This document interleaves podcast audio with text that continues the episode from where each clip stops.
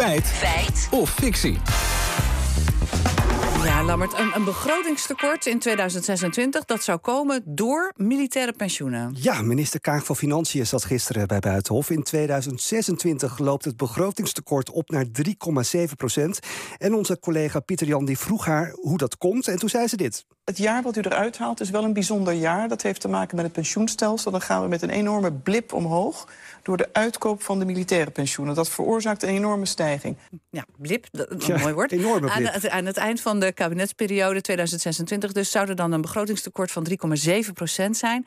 En Kaag zegt, blip, dat heeft te maken met het pensioenstelsel... en dan met name door de uitkoop van militaire pensioenen. Ja, ik vond het een gek verhaal. Dus we belden allereerst met Marieke Knoef, bijzonder hoogleraar kapitaalgedekte pensioenvoorzieningen aan de Universiteit van Tilburg.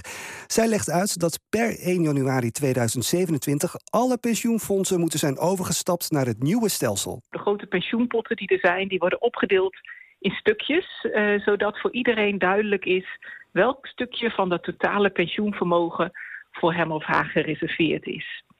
Eh, dat betekent dat het eh, meer transparant is in het nieuwe stelsel. Het is meer duidelijk welk stukje van die grote pensioenpot voor jou is. Ja, stukjes, blipjes. Volgens Knoef wordt met het nieuwe pensioenstelsel de pot geld niet groter of kleiner. Elk eh, pensioenfonds heeft ehm, eh, pensioenvermogen. Eh, en met de transitie wordt dat pensioenvermogen verdeeld over de mensen heen. Ehm, maar die pot wordt niet groter of kleiner.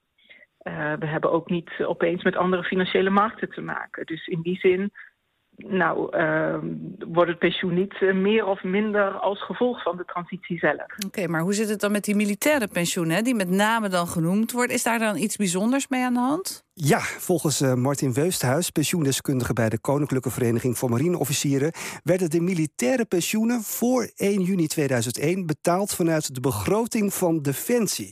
En om te zorgen dat die pensioenen ook mee kunnen in het nieuwe stelsel, moeten ze kapitaalgedekt worden.